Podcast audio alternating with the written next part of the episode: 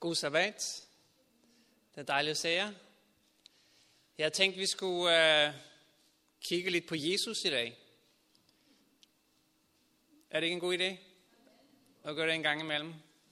Uh, vi skal kigge på nogle øh, tekster fra evangelierne, som viser, hvordan Jesus han så på mennesker. Og det vil give os, tror jeg, en måde at se på mennesker i dag, som har betydning for den måde, vi vil dele evangeliet med dem på. Og specielt i den her sidste tid af verdenshistorien, som vi lever, så vil det også have indflydelse på den måde, som vi forkynder.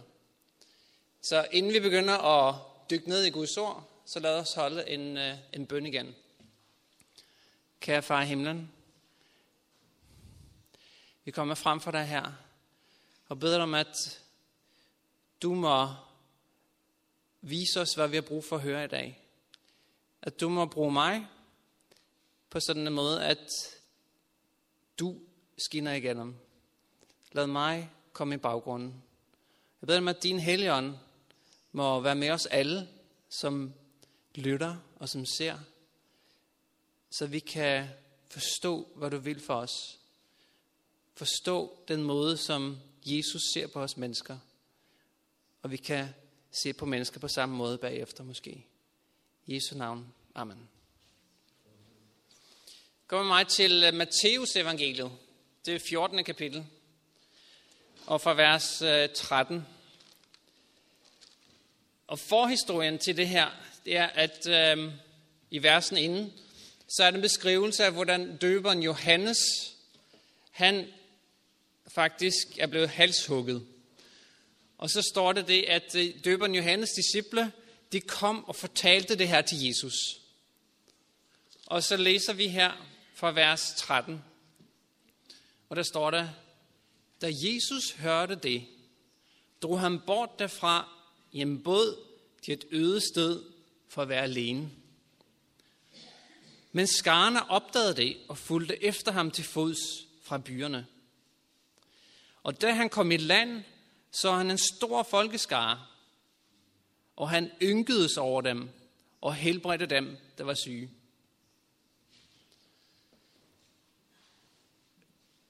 Det, som jeg tænker på, når jeg ser det her, det er det, at da Jesus hørte det, og hvad var det, han hørte? Jamen, det var Johannes disciple, som kom og fortalte, at Johannes var død. Så når Jesus hører det, så har han brug for at være alene. Han har brug for at tage væk. Han har brug for at være med sig selv, og tror jeg, med sin far i himlen. Fordi Jesus, han var et menneske. Han var Gud, men han var også et menneske. Så jeg tror, at det her, det har rørt ham. Og han har brug for at være alene. Men alligevel, på trods af, at han har brug for at være alene, så sker der noget andet. Og der er noget andet, der bliver vigtigere for ham pludselig. For det står nemlig det, men skarne opdagede det og fulgte efter ham. Så når Jesus, som faktisk har brug for at være alene, når han ser den her store skare mennesker komme derhen, og de har opsøgt ham, fordi på en eller anden måde, så har, så har de hørt Jesus før måske, og de havde lyst til at høre mere af ham. De, de ville bare være i nærheden af Jesus. Så de opsøger ham, de følger efter ham. Og da han ser den her store folkeskare, så læg mærke til, hvad, eller hvordan han så reagerer. Så står det, at han ynkedes over den. Og det er det her ord, vi skal kigge på i dag. Han ynkedes over den. På trods af, at han havde behov for at være alene. Men da han så de her mennesker, så kunne han ikke lade være. Han ynkedes. Og det ord, ynkedes, på, på grundsproget, på græsk, jeg kan ikke udtale det, er et meget kompliceret ord, men det betyder et eller andet med helt inde fra indvoldene. Og man troede dengang, at, at ens dybe følelser, det kom helt inde fra maven af. Vi har det sådan lidt, at fra mit, fra mit hjerte elsker jeg dig. Men det, han, helt inde fra indvolden af, så, så kunne han ikke lade være med at ynkedes over det her. Og jeg kan egentlig godt lide den måde, det står i den engelske bibel, King James, så står der, at han var moved with compassion.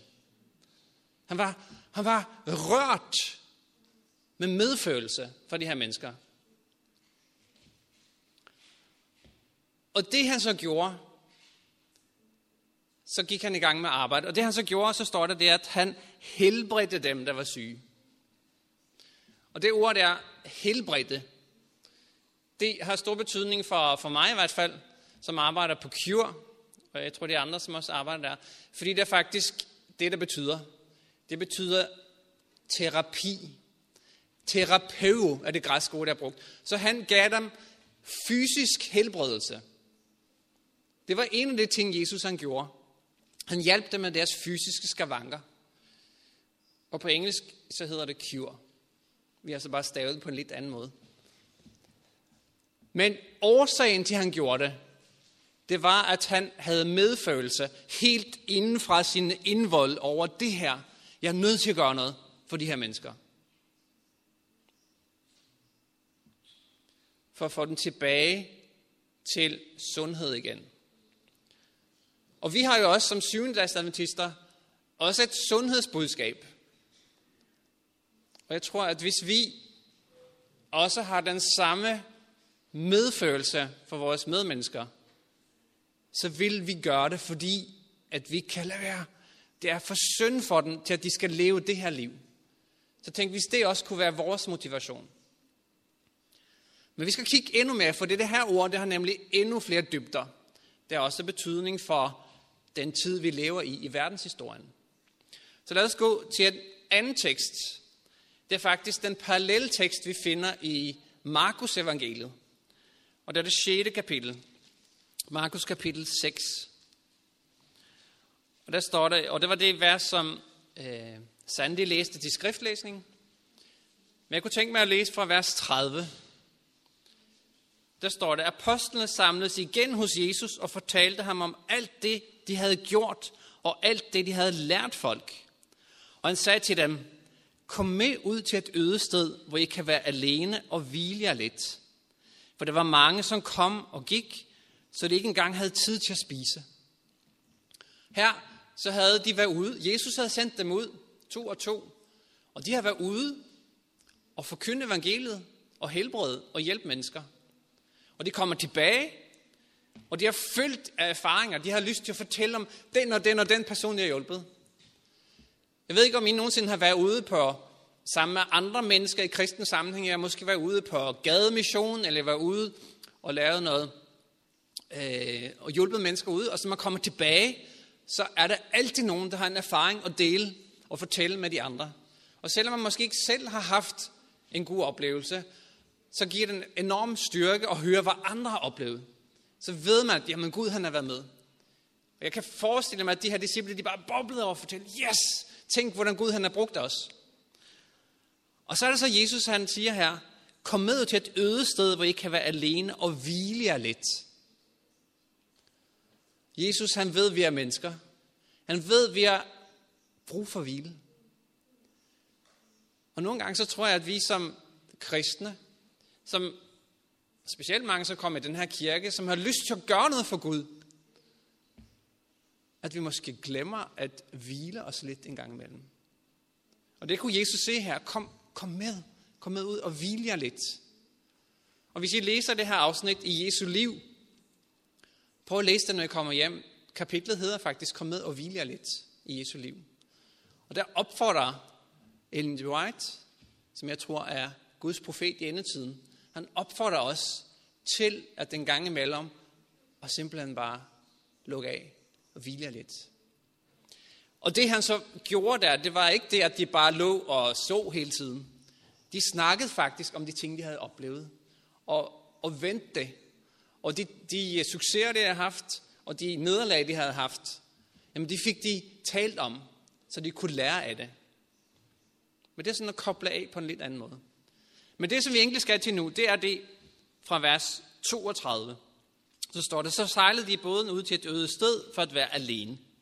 Men mange så den tage sted, og de genkendte dem, og fra alle byerne strømmede folk sammen til fods, og det nåede frem før dem.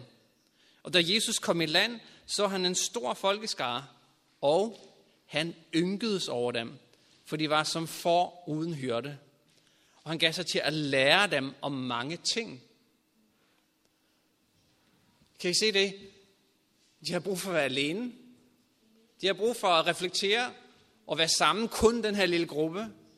Men alligevel så er der et eller andet, som er vigtigere for Jesus. Han ynkedes over den her folkeskare. Og her får vi endnu en detalje på, som vi ikke fik i Matthæus. Hvorfor var det, han ynkede sig over den? Fordi de var som får uden hyrde. For er måske ikke de klogeste af dyr. Og hvis de ikke havde en til at lede dem, så var risikoen stor, at de ville blive ført vild. Og Jesus kan se det her. Og derfor gav han sig til at lære dem om mange ting. Kan I se, Jesu motivation for at lære dem en masse ting er, wow, de her, de, de har ingen hyrde. De har ingen herre i deres liv. De kan blive ført den ene vej og den anden vej. Jeg er nødt til at lære dem noget. Jeg er nødt til at fortælle dem sandheden. Han gjorde det ikke for at prakke ned over dem. Nu skal I høre, nu skal I høre. Ved du hvad, I ved ingenting. Han ynkedes over dem. Det var Jesu motivation. Og jeg kunne tænke mig at læse en tekst fra det gamle testamente, som handler om det her med at ikke have nogen hyrde. Som jeg tror måske Jesus har tænkt på i den her situation. Og den finder vi i Jeremias' bog, kapitel 50. Jeremias 50.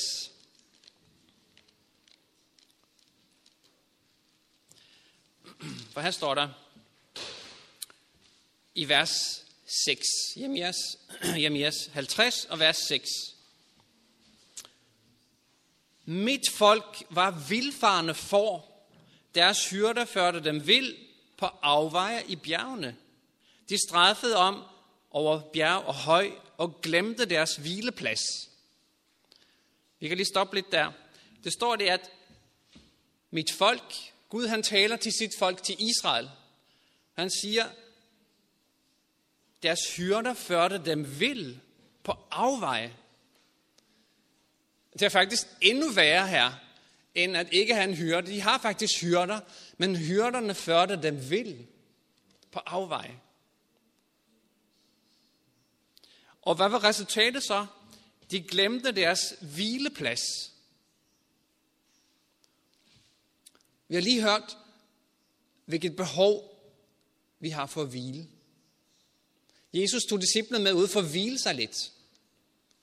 Og vi fik faktisk hørt her, at Margit hun sang en sang, som handler om hviledagsbuddet. Tak for det. Det passer meget godt. Fordi de glemte deres hvileplads. De havde nogle hyrder, der førte dem vild, så de glemte deres hvileplads. Kunne det være, at der er mennesker i dag ude i verden, som har nogle hyrder, nogle ledere, som bevidst eller ubevidst har ført dem vild, som mennesker har glemt deres hviledag. Kom hviledagen i hu, eller husk hviledagen som det står i den nye oversættelse. Men her har de glemt det, fordi det er blevet ført vild. Og Jesus kunne se det her. Han ynkedes over den. Og hvis vi ser på Jesus, og den måde han ynkedes, så burde vi også kunne se de mennesker rundt omkring, som ikke har privilegiet af at få lov til at hvile en dag om ugen. På den sande dag, som Jesus har indført, for Jesus har jo givet os hviledagen. For han ved, at vi har brug for det. Kom med og hvile jer lidt. Men det, som er interessant nu, hvis vi læser videre her, så står der i vers 7 og 8. Alle, der traf på dem, åd dem.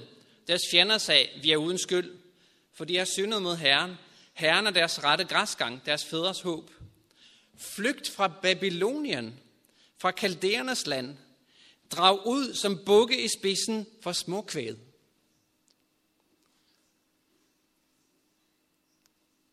flygt fra Babylonien. Drag ud fra Kaldæernes land. Jeg tror, der er mange af jer her, som kan høre genlyd det her vers i det nye testamente.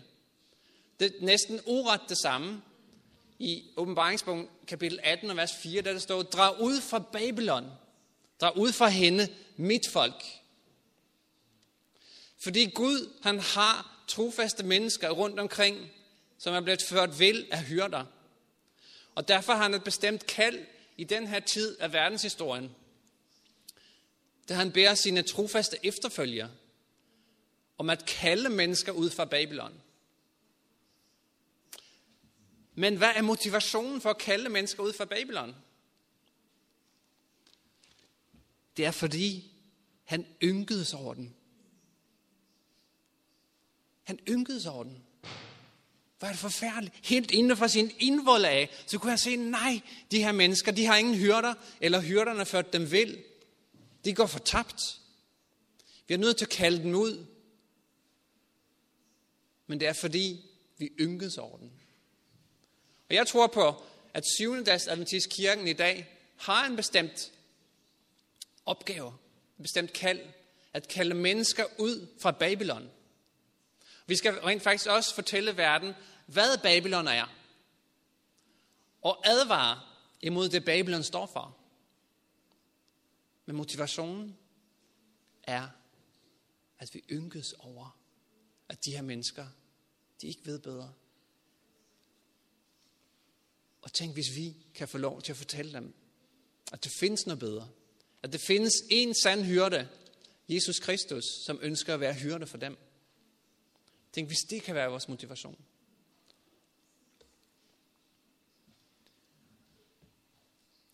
Lad os gå til endnu en tekst. I Matteus evangeliet, da vi kigger på Jesus igen. Matteus kapitel 9 og vers 35 derfra. Matthæus 9 og fra vers 35. Og der står, Jesus gik omkring i alle byerne og landsbyerne, underviste i deres synagoger, prædikede evangeliet om riget og helbredte al sygdom og lidelse. Da han så folkeskarne, ynkedes han over dem, for de var vandrygtede og forkommende som får uden hyrde. Da sagde han til sine disciple, høsten er stor, men arbejderne få. Bed derfor høstens herre om at sende arbejder ud til sin høst.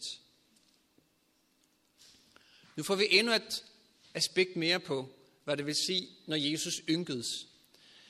Okay, vi kan se her i det første vers. Hvad, hvad gjorde Jesus? Hvilken måde arbejder Jesus på med de her mennesker?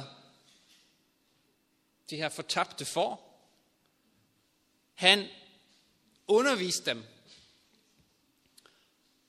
og det var jo også det, som vi fik her i Markus, at han var nødt til at lære dem ting. Og jeg tror på, at vi også som syvendags kirke har en masse ting, vi kan lære mennesker i dag. Vi har blandt andet 28 trospunkter, som på en eller anden måde fortæller Bibelens budskab og hvad Jesus ønsker for os. Jesus ynkedes over den, og derfor gav han sig til at lære dem om mange ting. Det er mange ting. Blandt andet om sabbaten. Det kan også være andre ting, som vi kommer til at se lige om lidt. Om døden for eksempel. Og derfor vil vi her i vores menighed, den næste halve års tid eller fremover, kigge på nogle af de her trospunkter, som vi har som 7. Adventist kirke. Fordi i den sidste ende, så er det Jesus, der har givet det til os, for at vi bedre skal kunne forstå, hvem han er, og hvad han ønsker for menneskene. Så derfor så underviste Jesus jeg tror også, at vi har brug for at undervise om det, som Gud han har givet til os. Men, og så står det, han prædikede evangeliet om riget. Jesus stod også op på en talerstol, hvis det var det dengang. Han sad i en båd måske, eller sad op på bjerget. Men han prædikede. Så ordet er nødt til at komme ud. Guds ord. Jesu ord. Og det er det, som skal være i centrum. Vi som mennesker, vi har egentlig ikke noget at sige. Det er Jesus, der har noget at sige. Det er hans ord, der skal være i fokus. Og så helbredte han al sygdom og lidelse. Og Da han så det her, så ynkedes han over folkeskarne. For de var vandrygtede og forkommende som foruden hørte. Vandrygtede. Jeg ved ikke, hvad du tænker på, når du hører det her vandrygtet. Altså, jeg har en af mine venner på Facebook, der hele tiden lægger ting op, som handler om vandrygtede dyr, for eksempel. Heste, der ikke har fået næring nok, eller ikke er blevet passet, og så bliver de vandrygtede. Og det er selvfølgelig forfærdeligt. Jeg tror bare nogle gange, at fokus er alt for meget drejet på, hvordan dyrene har det, i forhold til, hvordan vi som mennesker har det. Vi er Vandrygt, det kan også betyde det, at, at man ikke får mad nok, eller man ikke får den næring, vi har brug for. Og derfor bliver vi vandrygt. Og der kunne Jesus han se, han kunne se, han ynkedes, han var medfølende med de her mennesker, fordi de havde ikke fået den næring, de havde brug for. De havde ikke fået, fået sandheden, Guds ord serveret på den måde, som han ville, at det skulle serveres. Og derfor, når Jesus begyndte at tale til dem, så undrede folkeskaren sig, fordi han underviste som en, der har myndighed, og ikke som fejserende og de skriftlærte. Det var på en helt anden måde. De havde fået uger serveret før, men det var, det var ikke ånd med i det. Men her var en, der havde autoritet og myndighed. Og derfor tror jeg, de flokkes om ham, for de kunne høre, at det her var ægte. Det var ikke bare noget, som, som en havde siddet og studeret, men som ikke selv havde erfaring med det. Jesus, han kom ned til jorden, fordi han ynkedes over menneskene. Det var derfor, han kom. Og hvorfor, eller hvad sker der så? Der står der, fordi han ynkedes, fordi forsamlingen var vandrygtet, så står der, høsten er stor, men arbejderne få. Vi er nødt til at hjælpe de her mennesker. Vi er nødt til at bede om arbejder. Vi er nødt til at komme ud med evangeliet. Det var det, der var motivationen for Jesus. Fordi han ynkede sig over den. Derfor skal vi missionere. Derfor skal vi bede om, at det kommer arbejder. Fordi høsten er stor. Jesus kunne se, at der fandtes mennesker derude, som længes efter, når der var mere. Og jeg tror på, at her i København i dag, så er høsten stor. Tror du, at høsten er stor i København? Det står her i Guds ord, at høsten er stor. Det kan godt være, at vi ikke kan se det. Det kan godt være, når vi ser på det med vores menneskelige briller, at det ser ud som, at danskerne de uh, interesserer sig ikke for Gud. Vi er et sekulært samfund. Men høsten er stor. Jesus ved, hvad der bor derude. Og derfor beder han om, at der skal komme arbejdere. Måske er du en arbejder. Måske er jeg en arbejder. Som Jesus har kaldet på. Måske når du forstår, hvordan Jesus han har det med mennesker. At han ynkes. At han virkelig har lyst til at hjælpe dem. Helbrede dem prædike ordet, undervise. Måske kan du også få lyst til at blive en arbejder. Så det kan blive høstet ind til høsten. Og jeg tror, at høsten den er ved at være der snart. Hvis vi ser rundt omkring, hvad det er af tegn, som Jesus også har forudsagt kommer til at ske, før han kommer tilbage. Lad os gå til en tekst i Lukas evangeliet, der vi også kan se Jesus i forhold til sine omgivelser. Og det er syvende kapitel. Og her er det historien om Jesus, der han møder en enke i byen Nain, fra vers 11. Og det står, derefter gik Jesus til en by, som hedder Nain, og hans disciple og en stor skare gik sammen med ham. Men da han nærmede sig byporten, se, der blev der båret en død ud, som var sin mors eneste søn, og hun var enke. Det her er en håbløs situation. Den person, der var død, var morens eneste søn. Det var sådan en gang, at børnene skulle forsørge en, når man blev gammel. Hun var enke, som havde mistet sin mand. Hendes eneste søn var nu også død. Det var håbløst for den her enke. Når Jesus ser den her enke, og læg mærke til, hun kommer ikke hen og råber til ham og spørger ham, Jesus, hjælp mig i min nød. Det kan vi i hvert fald ikke se her i teksten, det står videre i vers 12. Og en stor skare fra byen fulgte med hende. Da Herren så hende, ynkedes han over hende og sagde, græd ikke. Bare det, at han så hende. Hun behøvede ikke komme og græde for ham. Han vidste, hvorfor han græd, eller hvorfor hun græd. For Jesus kender hjerterne. Men det, som er fantastisk her, at Jesus kan gøre noget, som hun i sin vildeste fantasi ikke kunne forestille sig. Og han gik hen og rørte ved borgen.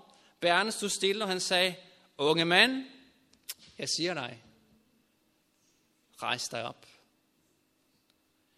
Der satte den døde sig op og begyndte at tale, og Jesus gav ham til hans mor. Kunne du ikke tænke dig at være til stede i den her flok? Hvordan det må have været for den mor. Det var intet håb tilbage. Og pludselig så sidder hendes døde søn lys levende foran hende. Wow. Og årsagen var, at Jesus ynkedes over den her person. For Jesus elsker mennesker. Det er det, der gjorde, at han kom her til jorden. Og måske er det mennesker i dag. Vi har lige talt om i vores sabbatskolegruppe, om en person, som er 43 år gammel, og som faktisk ligger for døden med uhelbredelig cancer. Tænk, hvis den her person, eller mange andre personer, kan få vide det, at okay, det er ikke sikkert, at vi kan helbrede ham for den dødelige sygdom, han har. Men det findes noget, der er bedre. Hvis han er i nærheden af Jesus, hvis Jesus er ved hans side, ligesom Jesus var ved den her døde mand, så findes der håb. Så er der nemlig evigt liv i vente. Det kan godt være, at det er en søvn, en kort tid. Men hvis vi overgiver os til Jesus, hvis han er vores ven, så har vi intet at frygte. Jeg tror, der er så mange mennesker, der frygter døden i dag. Døden er endestationen. Derfor lever de livet her nu, for livet skal leves. Når vi er færdige, så er vi færdige. Og hvis man så kommer til at miste nogen før tiden, så er det forfærdeligt. Men Bibelen har et budskab om, at der er en person, som har overvundet døden. Han har sejret over døden. Døden er ikke en fjende længere. Og vi, som syvendags adventister, har et håb om, at vi selvom vi dør, vi kunne opstå igen, når Jesus kommer tilbage i skyerne. Og det håb kan vi give videre til vores medmennesker, hvis vi har den samme medynk til dem, som Jesus han havde. Matthæus, det 20. kapitel. Og fra vers 29.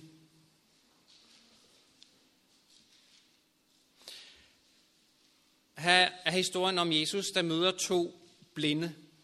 Og det står, da de gik ud af Jericho, fulgte en stor folkeskare ham. Og se, to blinde, der sad ved vejen, hørte, at Jesus kom forbi, og de råbte, Forbarm dig over os, herre Davids søn. Skaren troede af dem for at få dem til at tige stille. Men de råbte bare endnu højere, Forbarm dig over os, herre Davids søn. Vi stopper lidt et øjeblik. Kan I se, at det var en stor skare, der fulgte Jesus? Det var, det var mennesker, der faktisk ønskede at være i nærheden af Jesus. Men da de her to mennesker, de råber til ham, hvad gør skaren så? Skaren troede af dem, for at få dem til at, holde, til at tige stille. Kunne det være nogle gange, at den skare, der følger Jesus, skal vi kalde dem kristne, eller bare os, der er til stede, At vi kan risikere, at vi uh, truer af dem, der råber op til Jesus. At vi faktisk næsten forhindrer folk i at komme til Jesus, som har et behov. Det kunne det tyde på her i hvert fald. Og der kan vi måske være en, gå ind i os selv, bede ud og sige, er der et eller andet i mit liv, så forhindrer mennesker at komme til Jesus.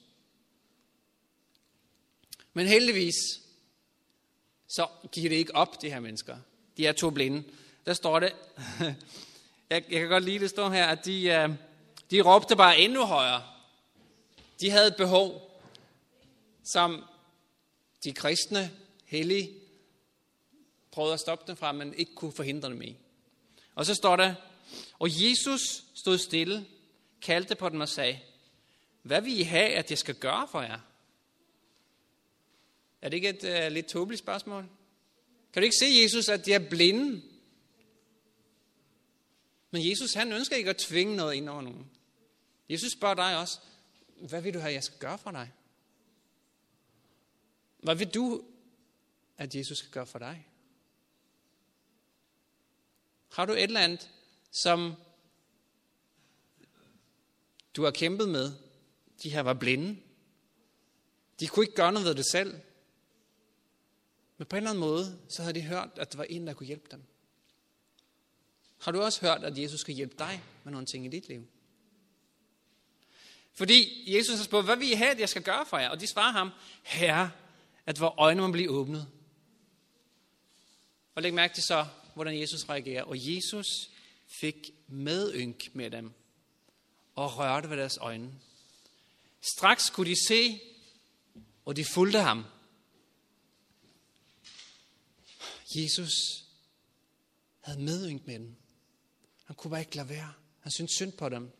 Han kunne se deres skæbner. Og så rørte han ved dem. Og ved du hvad? Hvis Jesus rører ved nogen, så sker der noget. Hvis Jesus rører ved dig, så tror jeg også, at det samme vil ske, som skete med dem. De kunne se, og de fulgte ham. De fulgte ham.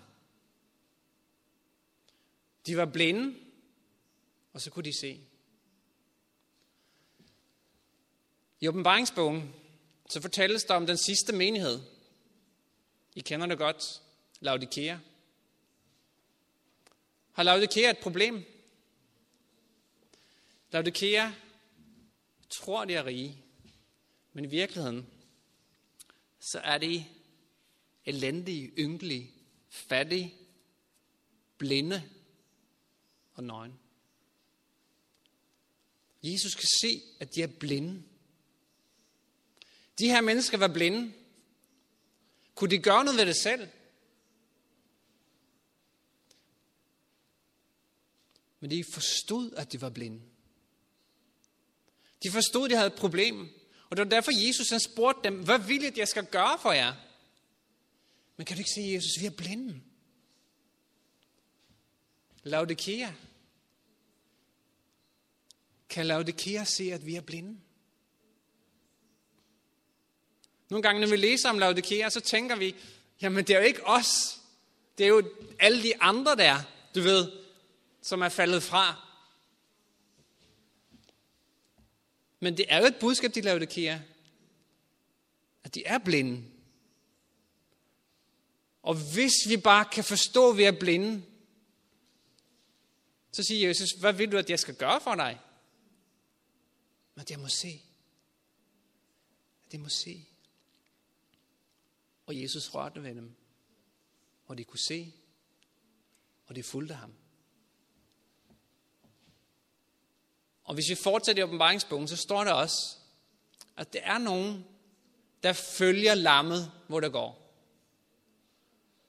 Når der er nogen, der følger dyret, Babylon,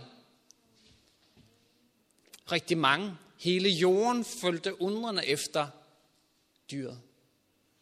Så er der nogen, som Jesus har rørt ved, som har indset, at de er blinde, som Jesus eller som de giver lov til, når Jesus spørger dem, hvad vil du, jeg skal gøre for dig? Herre, det må se. og Jesus rører, og de følger. Jeg tror, det er den proces, der foregår i de her menneskers liv, som er beskrevet i 14. kapitel i åbenbaringsbogen. At de følger ham, hvor han går, for de ved, at han er medyngt med dem. Han elsker dem. Tænk, om jeg kunne være med i den gruppe. Det ønsker jeg. Vi nærmer os slutningen, men der er lige en historie til her, vi skal kigge på i det 18. kapitel i Matthæus. Og her er det faktisk en lignelse, som Jesus han fortæller, som er utrolig vigtig også. Og i det 18. kapitel fra vers 23, og der står der, Derfor himmeriget ligner en konge, der ville gøre regnskab med sine tjener. Da han begyndte på regnskaberne, blev en, der skyldte 10.000 talenter ført frem for ham. Da han ikke havde noget at betale med, befalede hans herre, at han og hans kone og børn og alt, hvad han ejede, skulle sælges og gælden betales. Men tjeneren kastede sig ned for ham og bad, Her tålmodighed med mig, så skal jeg betale dig det alt sammen. Så fik den tjeners herre med ynk med ham, og lod ham gå, og eftergav ham gælden. 10.000 talenter. Det var en gæld så stor, at intet menneske havde mulighed for at betale det. Jeg tror, det her er en lignelse, der fortæller os om os mennesker. At vi har en gæld så stor, at vi ikke kan betale os fra den. Vi er synder. Og syndens løn er død. Vi er håbløst fortabte. Men på grund af, at vores Herre fik medynk med os, og eftergav os gælden, havde han gjort noget for, for at fortjene, at gælden blev eftergivet. Han kastede sig ned for ham og bad. Måske er det det eneste, vi skal gøre. Og kaste os ned foran vores Herre og bede. Ha' tålmodighed med mig. Okay, jeg kan ikke betale det her. Det troede han, han kunne. Men Herren fik medynk med ham. Han havde helt inden for indvoldende medfølelse med det her menneske. Og han eftergav ham gælden.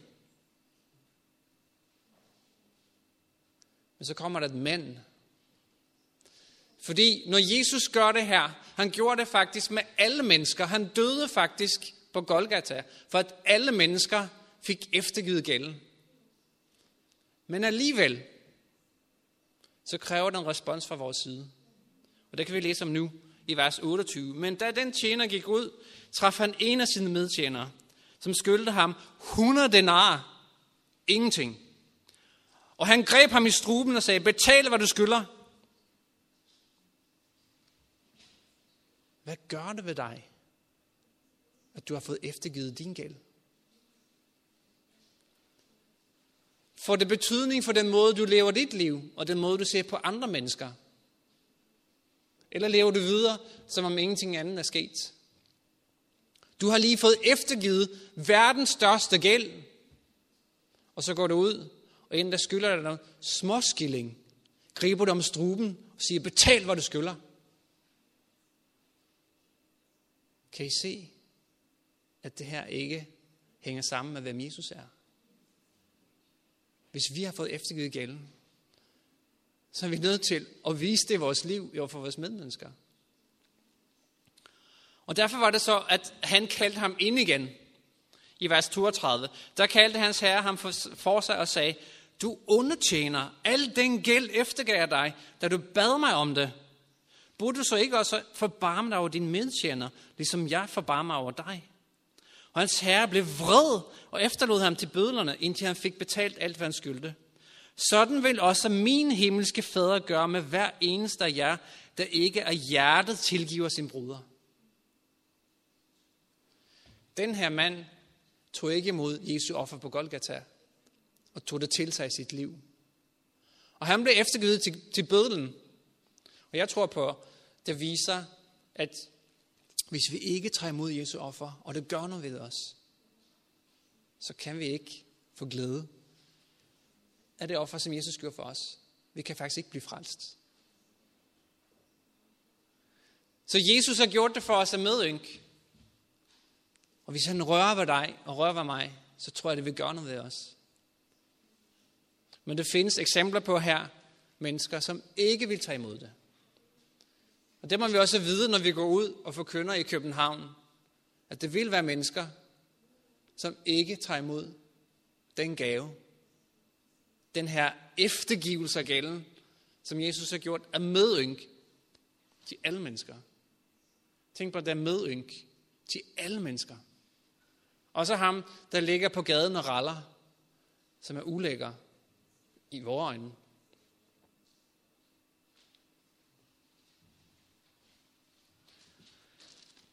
Så konklusionen så, den kan vi finde i Hebræerbrevet, det fjerde kapitel. Hebræerne kapitel 4, og fra vers 15. Der står der om den her Jesus, som gik på jorden, som nu er taget op til den himmelske helligdom. Fordi det blod, som han udgød på Golgata, han afsluttede sin gerning på Golgata, den jordiske gerning. Men han var nødt til at bruge sit blod for at kunne bruge det til noget andet. Derfor tog han til himlen og har gået i forbøn for os derop. Og han er i gang med nu, nu at være i den allerhelligste del af helligdommen. Der øverste præsten gik ind en gang om året og rensede helligdommen. Det er det, han er i gang med nu. Og så står der her i vers 15, for vi har ikke en øverste præst, der ikke kan have medfølelse med ynk med vores skrøbeligheder, men en, som blev fristet i alle ting, ligesom vi, dog uden synd. Jesus levede her på jorden. Han blev udsat for fristelser. Fristelser kan også være prøvelser. Hårde ting. Ting, som ikke er sjove. Fordi han blev udsat for det, så ved han lige præcis, hvad du går igennem, og jeg går igennem. Og vi er skrøbelige. Han har medfølelse med vores skrøbeligheder. Men så står der, lad os altså med frimodighed træde frem for nådens trone, for at vi kan få barmhjertighed og finde noget til hjælp i rette tid. Vi bør ikke frygte, vi bør ikke være bange, vi kan med frimodighed træde frem for nådens trone. For Jesus, han er nådig. Han er villig til at eftergive hele gælden. Alle 10.000 talenter. Håbløst for os, hvis vi selv skulle betale det. Det vil han eftergive. Han er nådig. Hvis vi kommer frem for hans trone. Hvis vi beder om det. Hvis vi kan se, at vi ikke har noget frygt at være bange for hos ham. Så vil han gøre det.